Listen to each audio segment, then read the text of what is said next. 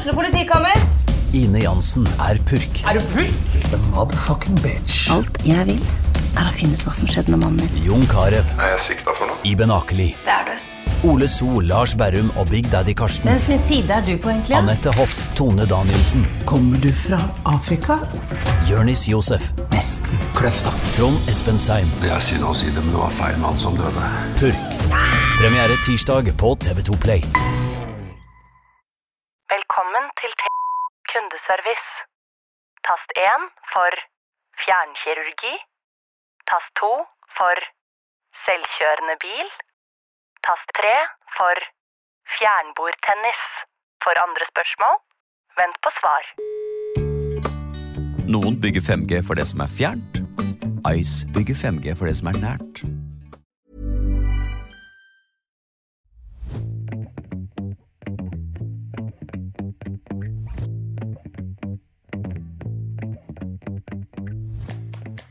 Velkommen tilbake til TV-podden. Jeg heter Marie Olaussen. I dag er det Anders Hammer fra Tønsberg som er gjest i studio. Anders er journalist, dokumentarskaper og forfatter med mange år bak seg som krigsreporter bl.a. i Afghanistan. Han ble Oscar-nominert for filmen Do Not Split om konflikten i Hongkong, og da de andre journalistene forlot Ukraina etter Russlands invasjon, dro Anders Hammer inn i Ukraina. Nå er han aktuell med boka 'Terroristen fra Bærum' om Philip Manshaus. Og Anders, hvorfor blei det akkurat denne boka nå? For meg så starta egentlig det prosjektet her i Larvik, fordi jeg lagde en dokumentar eh, fra Larvik i 2013 og 2014 om eh, en ung norsk eh, somalier som het Hassan Duhulov. Mm, Han lever ikke lenger, men han kom som barn tidlig til, eh, til Larvik og vokste opp med slektninger der, eh, og gikk gjennom en radikalisering her i Norge, eh, for det meste i Larvik. Og endte med å verve seg til den somaliske terrororganisasjonen Al Shabaab. Og dro til Somalia og så videre til Kenya, der han var med på et veldig brutalt terrorangrep i 2013 mot et kjøpesenter. Og i det angrepet ble han også drept. Eh, jeg har da vokst opp i Tønsberg og husker Larvik som en veldig fredelig by. Og begynte å jobbe da i 2013 med å nøste opp uh, Duhulovs radikaliseringsprosess.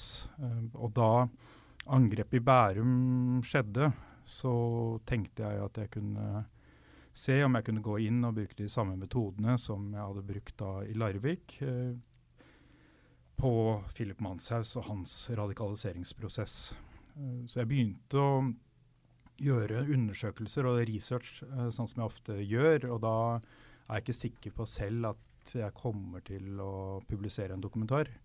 Eh, Det er egentlig alltid avhengig av at du får den tilgangen du trenger for å kunne komme tett nok på tematikken. Men jeg fulgte rettssaken i 2020 og fikk eh, en del ideer der til hvordan jeg kunne gå videre med prosjektet, og begynte å skrive brev. Både til uh, Philip seg selv, men også til familien hans og andre som hadde vært tett på han til ulike tider. Og så begynte jeg å gjøre intervjuer, eh, og det gjorde jeg over en lang periode. Lagde også en dokumentarserie som gikk i NRK Brennpunkt i fjor sommer, som heter 'Philips vei til terror'. Eh, det er veldig annerledes å jobbe med TV og, og, og bok. Så jeg tenkte at det var andre muligheter og andre deler av historien jeg kunne gå inn i ved å skrive en bok. Eh, og det var det så absolutt. Altså, det ble veldig annerledes for meg å jobbe med boka. Eh, ikke minst fordi nettresearchen kunne kommuniseres på en helt annen måte i bokform enn eh, det som jeg hadde sett var mulig da jeg jobba med TV-serien. Så mm, jeg har skrevet en bok hvor jeg har gått opp hele løpet eh, fra begynnelsen, altså fra Philip Manshaus ble født, fram til i dag. Eh, bruker mye tid på å beskrive de siste par årene i hans utvikling, men går også mye lenger tilbake. Eh, grunnen til at de gjør det, er at jeg etter prosjektet i Larvik var overbevist selv om at det er mange faktorer som spiller inn i en radikaliseringsprosess. Det er veldig vanskelig å isolere det til én årsak, og så finne én enkelt grunn til at uh, et menneske er blitt radikalisert.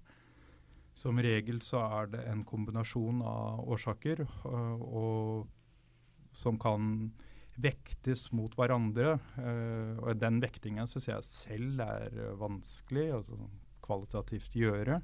Jeg tenker at Hvis jeg skriver åpent og skildrende om det, så kan leseren være med på, på de analysene og følge denne historien tett. Og også se om det her er noe som minner dem om andre både radikaliseringshistorier og kanskje også folk de kjenner. For det er på en måte målet mitt da med å skrive boka, er å forebygge og forhindre at uh, flere går samme vei som Philip Manshaus. Så dette terrorangrepet det skjedde 10.8 i 2019.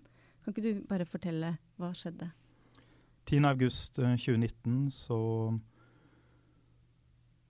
skjøt Philip Manshaus uh, adoptivsøsteren sin. Det var 17 år gamle Johanne. Hun ble adoptert fra Kina som baby uh, og vokste opp i familien uh, på Eiksmarka i Bærum. Og hadde et veldig tett forhold til uh, Philip, Philip Manshaus i oppveksten. alle så på dem som biologiske søsken. og de hadde det gøy sammen og lekte sammen. etter hvert Eh, og det kan, Jeg skal ikke gå altfor mye inn på det akkurat nå, men etter hvert så gikk jo da Philip Manshaus gjennom en radikaliseringsprosess, og forholdet hans til søsteren endra seg veldig.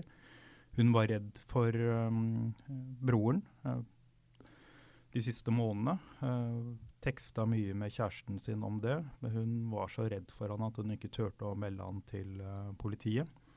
Men hun gir veldig klart uttrykk på, for at hun følte et ubehag. Eh, for hun overhørte også mye av det hatpratet som han satt og hørte på. Han satt og så YouTube-videoer og andre videoer på nettet.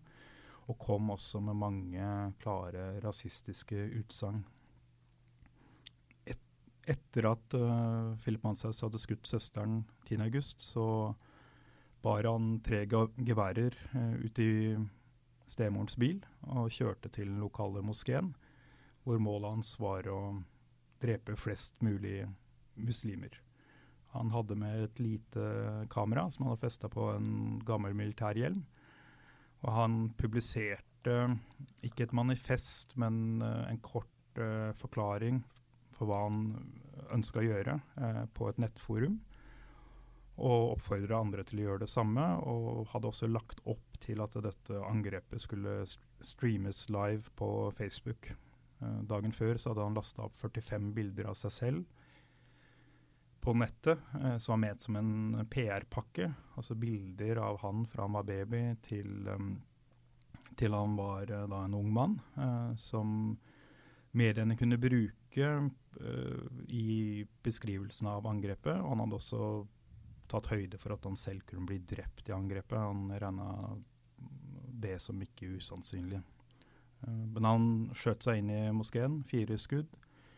Kommer inn, det er nesten ingen i, i bygget. Det er uh, tre menn. To av dem er uh, eldre, og en av dem har bakgrunn fra det pakistanske luftforsvaret.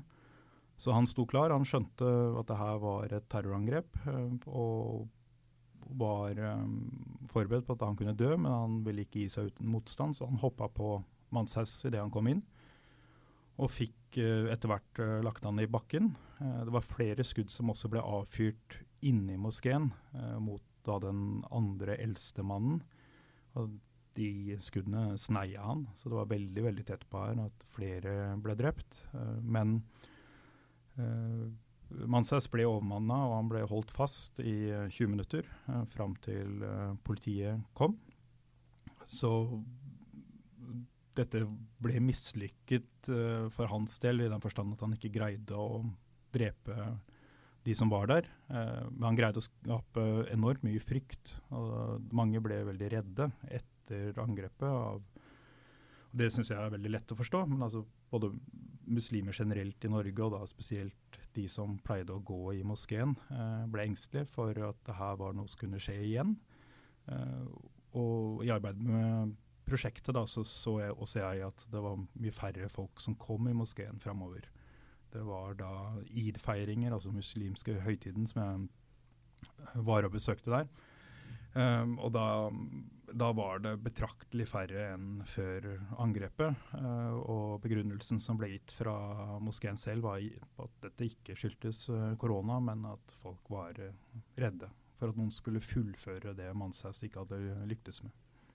Ja, Så selv om i hans øyne så har han klart å drepe mange færre enn det han hadde sett for seg at han skulle klare, så har han jo lykkes i å drive terror for veldig mange mennesker som ikke nødvendigvis ble personlig ramma akkurat uh, under terrorangrepet. Ja, og målet til terrorister er å ramme sivile, drepe sivile og skade sivile for å skape frykt, og det lyktes Manshaus med. Mm. Hvem er Philip Manshaus? Det er et uh, ganske vanskelig spørsmål å svare kort på. Jeg bruker mye plass på det i boka til å beskrive hans utvikling fra, fra han ble født uh, til i dag. Han var en godt likt gutt på barneskolen og ungdomsskolen, og også videregående. Han ble beskrevet som snill, beskjeden, han likte veldig godt å spille data. Eh, var ikke spesielt god i idrett og hoppa litt rundt uh, mellom ulike idretter uten at han fant seg til rette. Men han var i speideren og likte det veldig godt. og Der var han vel i ti år. Uh, men ble beskrevet som en relativt normal norsk ung gutt. Han var en del urolig uh, på skolen og fikk oppfølging i flere perioder. Um, moren hans hadde tatt livet av seg da han var fire år. Um, og det var alle informert om på skolen, uh, og en del av den uroen ble sett i sammenheng eh, med det. Uh, men han fikk også spesialundervisning i perioder. Han sleit med matte og andre fag. Uh, og hadde også konsentrasjonsproblemer, sånn som mange har da, på tidlig, tidlig barneårene på skolen. Uh, han fikk ikke noe videre psykiatrisk oppfølging uh, senere. Uh, det, og da han gikk på videregående, så hadde han ikke noen diagnose, og det var ikke lærerne på Oslo by steinerskole da, der han gikk, de hadde, holdt ikke et spesielt øye med, med han. så jeg vil beskrive det som en relativt normal oppvekst i da en av Norges mest velstående kommuner. Eh, han hadde formue selv tidlig. Han kjøpte en leilighet sammen med broren på Grünerløkka. Og hadde egentlig mange forutsetninger for å få et godt liv. Men så skjedde det noe, eh, og det er det jeg har prøvd å tidfeste og prøvd å skildre i boka. Eh, hvordan han radikaliseres. Og det sånn vi kan se det i dag, så er det en radikalisering som i hvert fall har gått over uh, to år. Jeg fikk inntrykk av at han på en måte har radikalisert seg sjøl. At, uh, at, at, han søkte til miljøer der det var mulig å få inspirasjon til å bli radikalisert. At det ikke var sånn at det kom ikke noen og, og dro den med seg. Nei, jeg tror den radikaliseringsprosessen Manshaus har gått igjennom, er typisk for uh, radikaliseringsprosesser i dag at det i veldig stor grad skjer over nettet og gjennom krypterte apper. Uh, naturlig nok så foregikk radikalisering på andre måter før vi fikk internett. Uh, og jeg også syns det også er viktig å peke på andre faktorer som ikke har med nett å gjøre. Det er, det er, ikke noe tvil om at nett var viktig i hans radikaliseringsprosess, men han søkte også informasjon på andre måter og, og ble inspirert av av diskusjoner han hadde. Han prøvde å søke seg til nordiske motstandsbevegelsen, som er en av de aktive nynazistiske organisasjonene i Norge mm, i dag. Han lyktes ikke med å få medlemskap der. Det er litt sånn ulike forklaringer på hvorfor ikke det ble noe av, men det var ikke noe tvil om at det, eh, var en konflikt eh, innad i organisasjonen akkurat på den tiden hvor han eh, hadde møte med dem. Så, så jeg tror at det er da grunnen til at det, det ikke lyktes for ham. Uh, men han, uh, han begynte å lese på nettet i 2017, altså to år før angrepet og drapet skjedde. Uh, da begynte han å lese om masseskytinger og skoleskytinger. Altså massedrap i først USA og så etter hvert rundt omkring i verden. Han gjorde helt sånn generelle søk på massedrap og, og folkemord.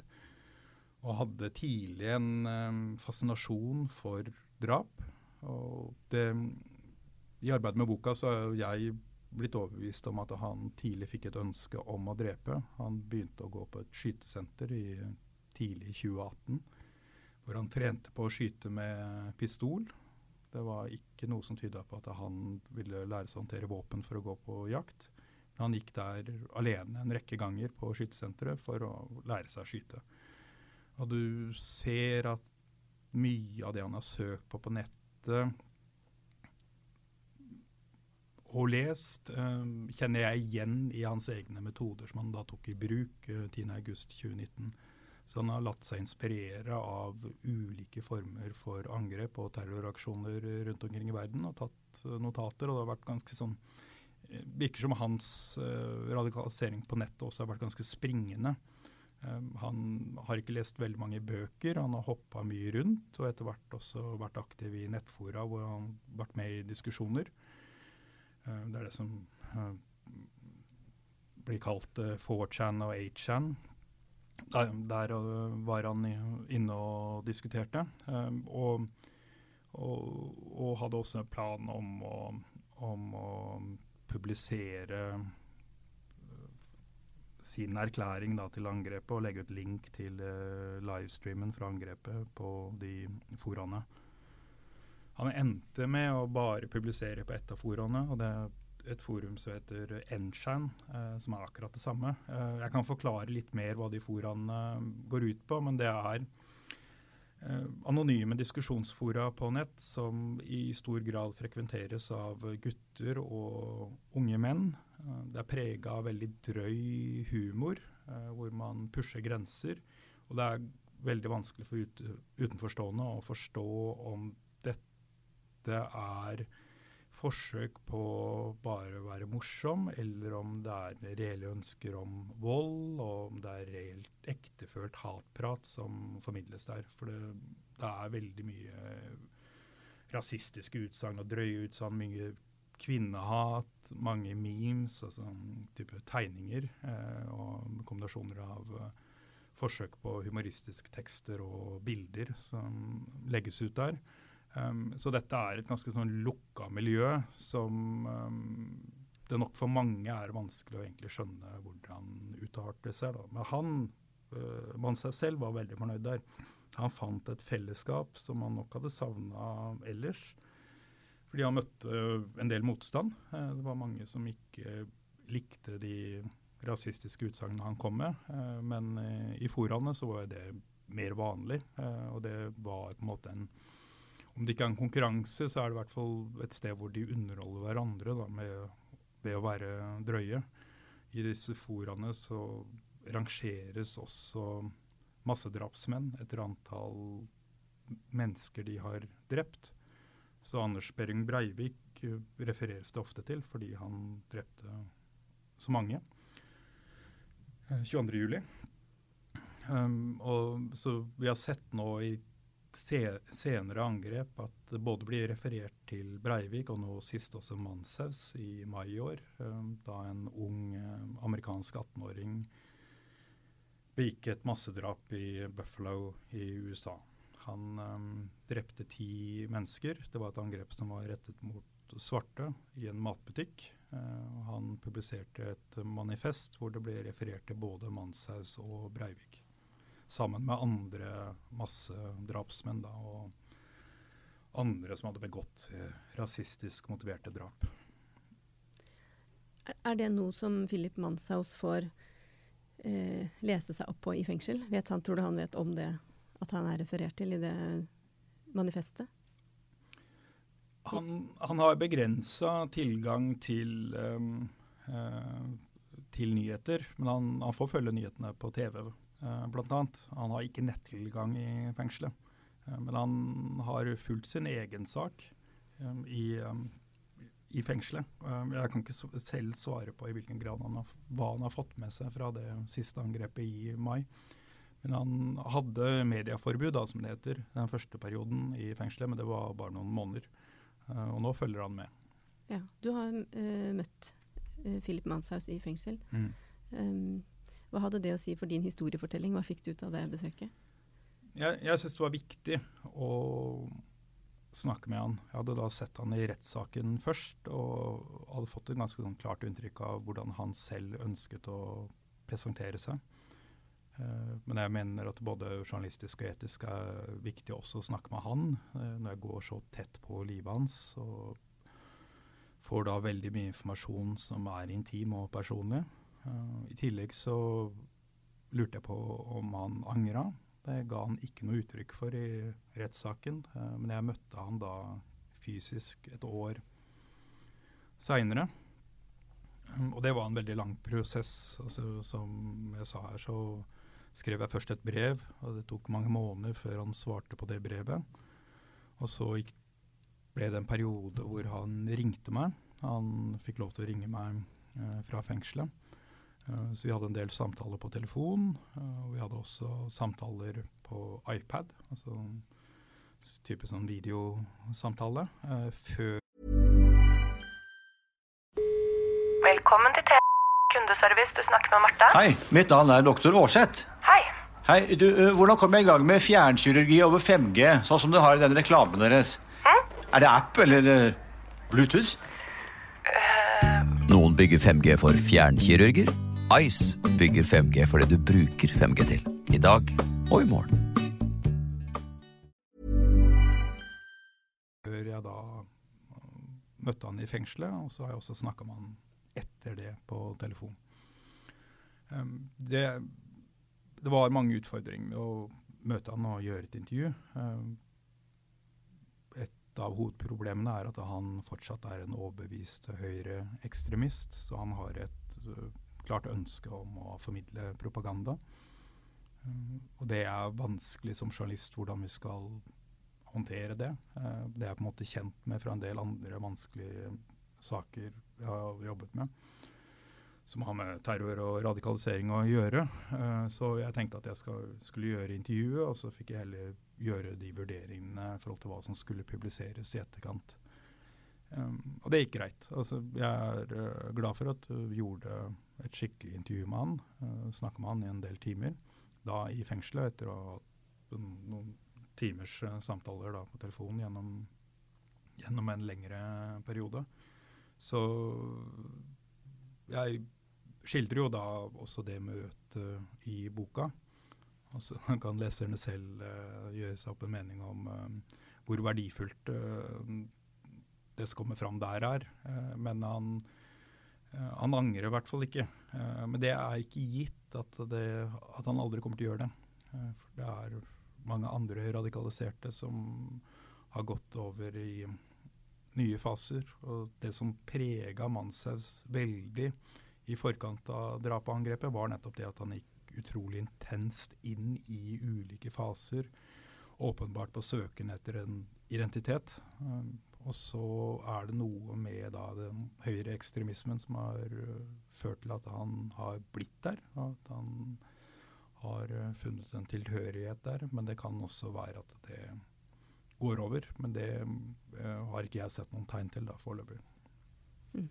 Og uansett så har han da gjort utrolig stor skade ved å da drepe Johanne, som var 17. Uh, eneste grunnen til at Johanne ble drept, var at hun hadde en etnisk opprinnelse fra Kina.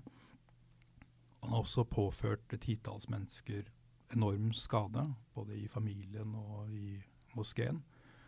Og andre som kjente han, og som har blitt uh, veldig berørt av hva han har gjort. Hvordan nærmer du deg de som kan fortelle deg denne historien her? De har jo veldig dramatiske og veldig opprivende historier å fortelle. Og så skal du bygge et tillitsforhold og få de til å, til å fortelle den historien som du er på jakt etter. Hvordan var det du Hvordan fikk du Ellen, mammaen til Johanne f.eks., til å være med å dele den historien? Jeg Jeg gjorde som jeg har gjort i en del tidligere vanskelige prosjekter. Jeg satte meg ned og skrev brev. hvor Jeg forklarte så klart og tydelig som jeg kunne hva jeg ønska å gjøre og hva jeg var i gang med. fortalte litt om tidligere prosjekter jeg har jobba med. Uh, og så sendte jeg det i brevform.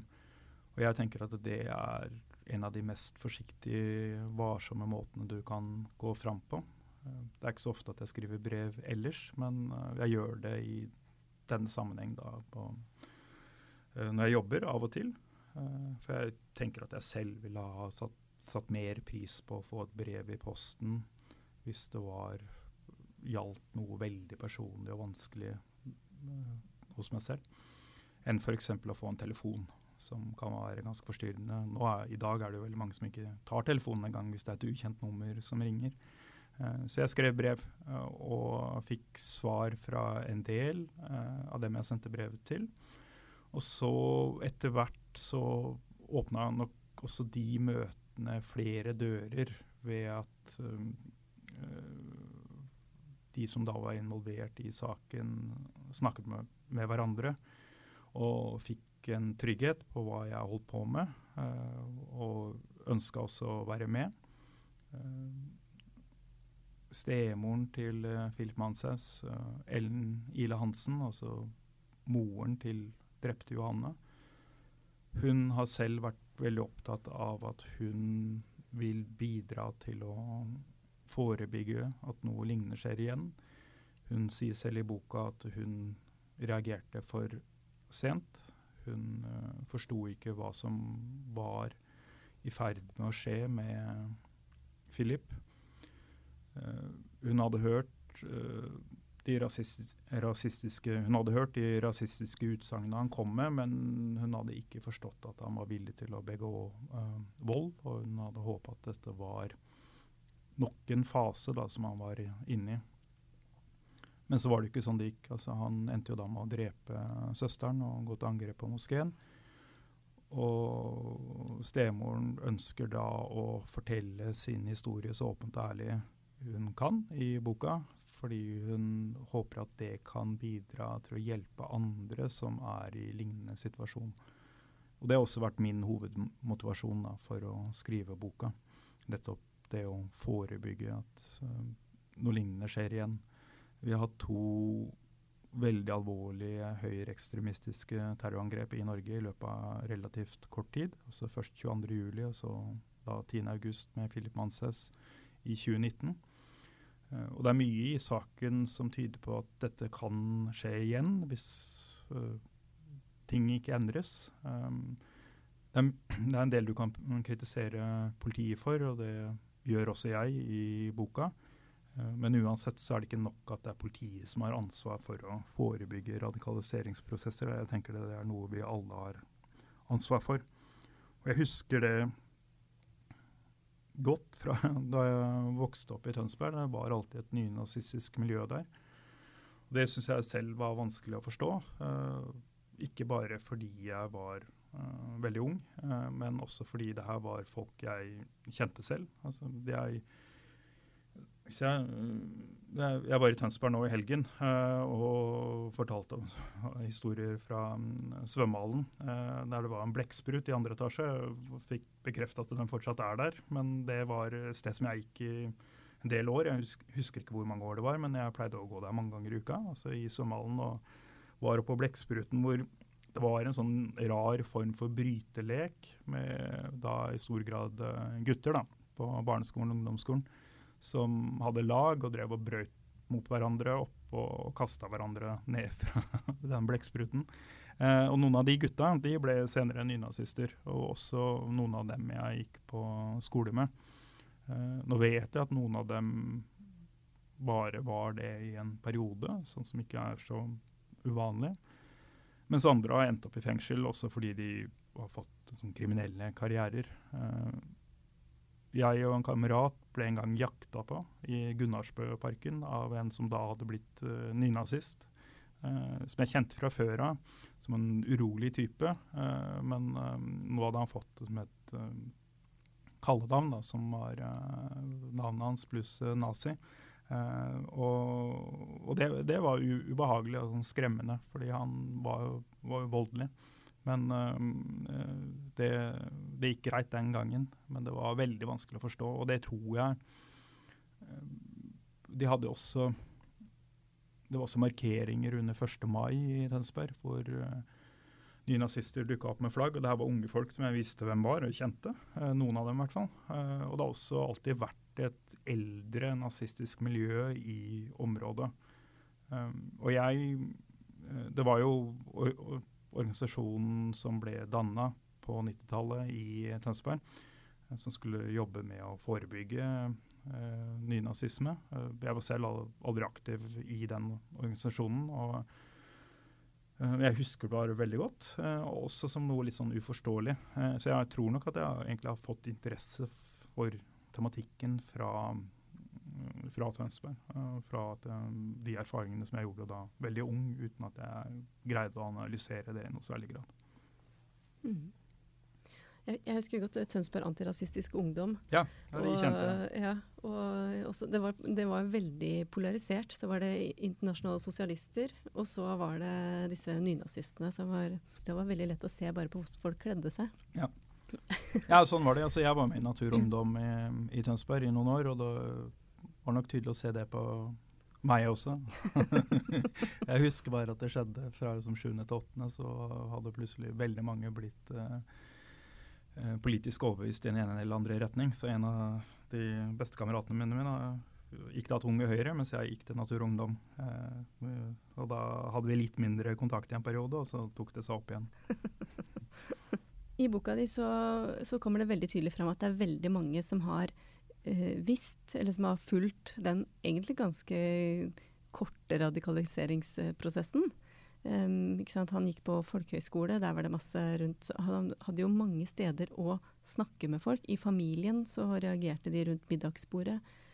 Uh, Johanne sendte meldinger til uh, kjæresten sin, snakka med venninner. Uh, venninner av, av mora.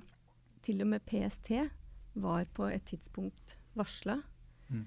Hva tror du er grunnen til at så mange gikk rundt og på en måte hadde vondt i magen og reagerte negativt på ting han sa, men det kom liksom ikke, beskjeden kom ikke fram dit den skulle.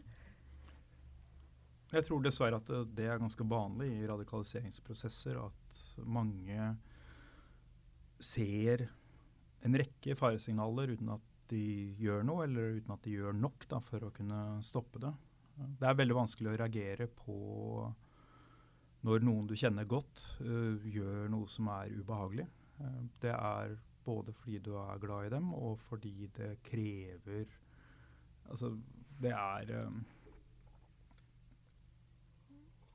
Det krever en, en innsats å, å, konfrontere folk du kjenner med det de sier og det de gjør. Uh, og man finner ofte unnskyldninger for ikke å gjøre det.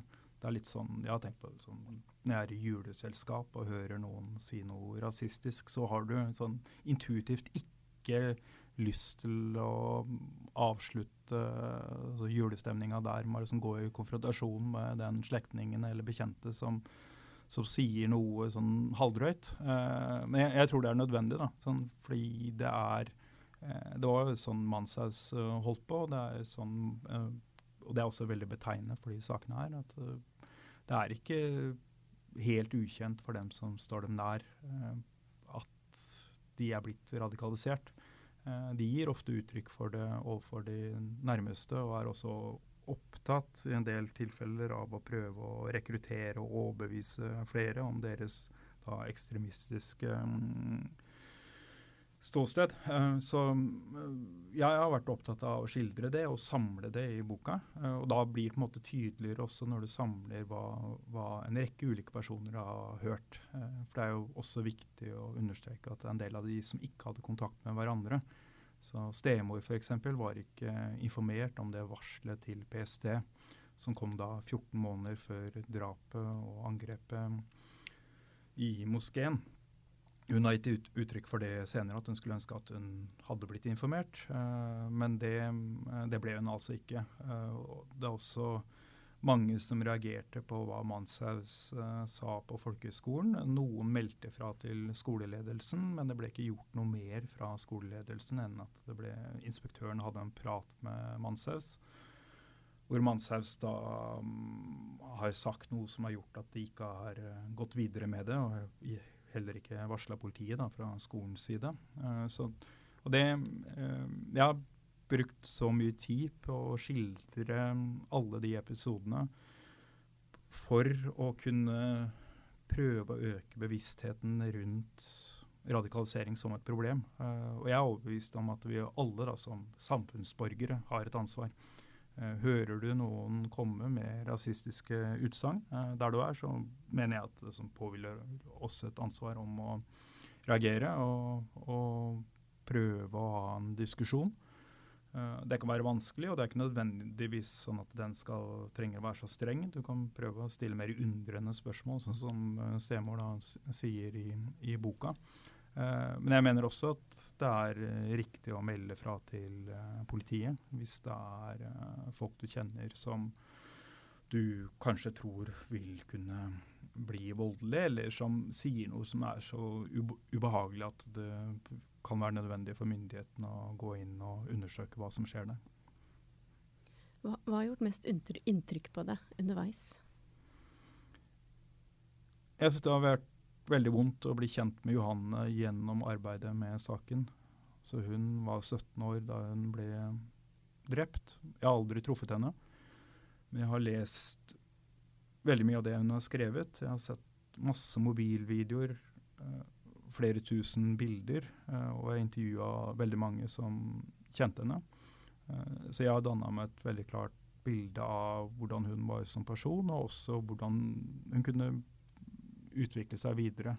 Eh, hun var en utrolig smart jente som hadde masse på gang, og hadde helt sikkert fått et flott og rikt liv, eh, som da ble bare frarøvet henne eh, fordi hun ble født i Kina. Så det er som, altså Rasismen her er så klar og tydelig, og så jævlig. Eh, og, og, jeg syns det er utrolig trist. Eh, det er sånn hjerteskjærende å lese både dagboknotater som handler om helt trivielle ting som da tenåringer er opptatt av, men også da meldingene hun sendte uh, de siste, den siste perioden, hvor hun da åpenbart også var redd for broren og hva han kunne gjøre. Hvordan håper du boka skal bli brukt framover? Jeg håper boka kan bidra til å øke bevisstheten rundt radikalisering, og at folk som leser boka, tenker over hva som har skjedd med Philip Manshaus, og tenker også over om det er noen de kjenner som går gjennom lignende prosesser, eller også blir var på det i framtida hvis de ser at noen oppfører seg på lignende måter som da Manshaus uh, gjorde. Uh, og at jeg tror det er viktig at uh, vi har skriver ut historier som dette, nettopp fordi det kan bidra til å forebygge radikalisering. Eh, det er veldig vanskelig å forebygge radikalisering, eh, men jeg tror det her er måten å gjøre det på. Anders Hammer, takk for at du kunne være med i TB-podden. Takk for at jeg fikk komme. Lykke til med boka framover. Og til deg som har hørt på, velkommen tilbake i neste uke til en ny episode av TB-podden. Mitt navn er Marie Olavsen. Ansvarlig redaktør både for sendinga og Tønsbergs Blad er Sigmund Kydland. Musikken du hørte helt i starten, den er laget av Out of Flux. Velkommen til T kundeservice. Tast 1 for fjernkirurgi. Tast 2 for selvkjørende bil. Tast 3 for fjernbordtennis. For andre spørsmål Vent på svar. Noen bygger 5G for det som er fjernt. Ice bygger 5G for det som er nært. Har du et enkeltpersonforetak eller en liten bedrift? Da er du sikkert lei av å høre meg snakke om hvor enkelt det er med kvitteringer og bilag i fiken, så vi eh, gir oss her, vi. Fordi vi liker enkelt. Fiken superenkelt regnskap.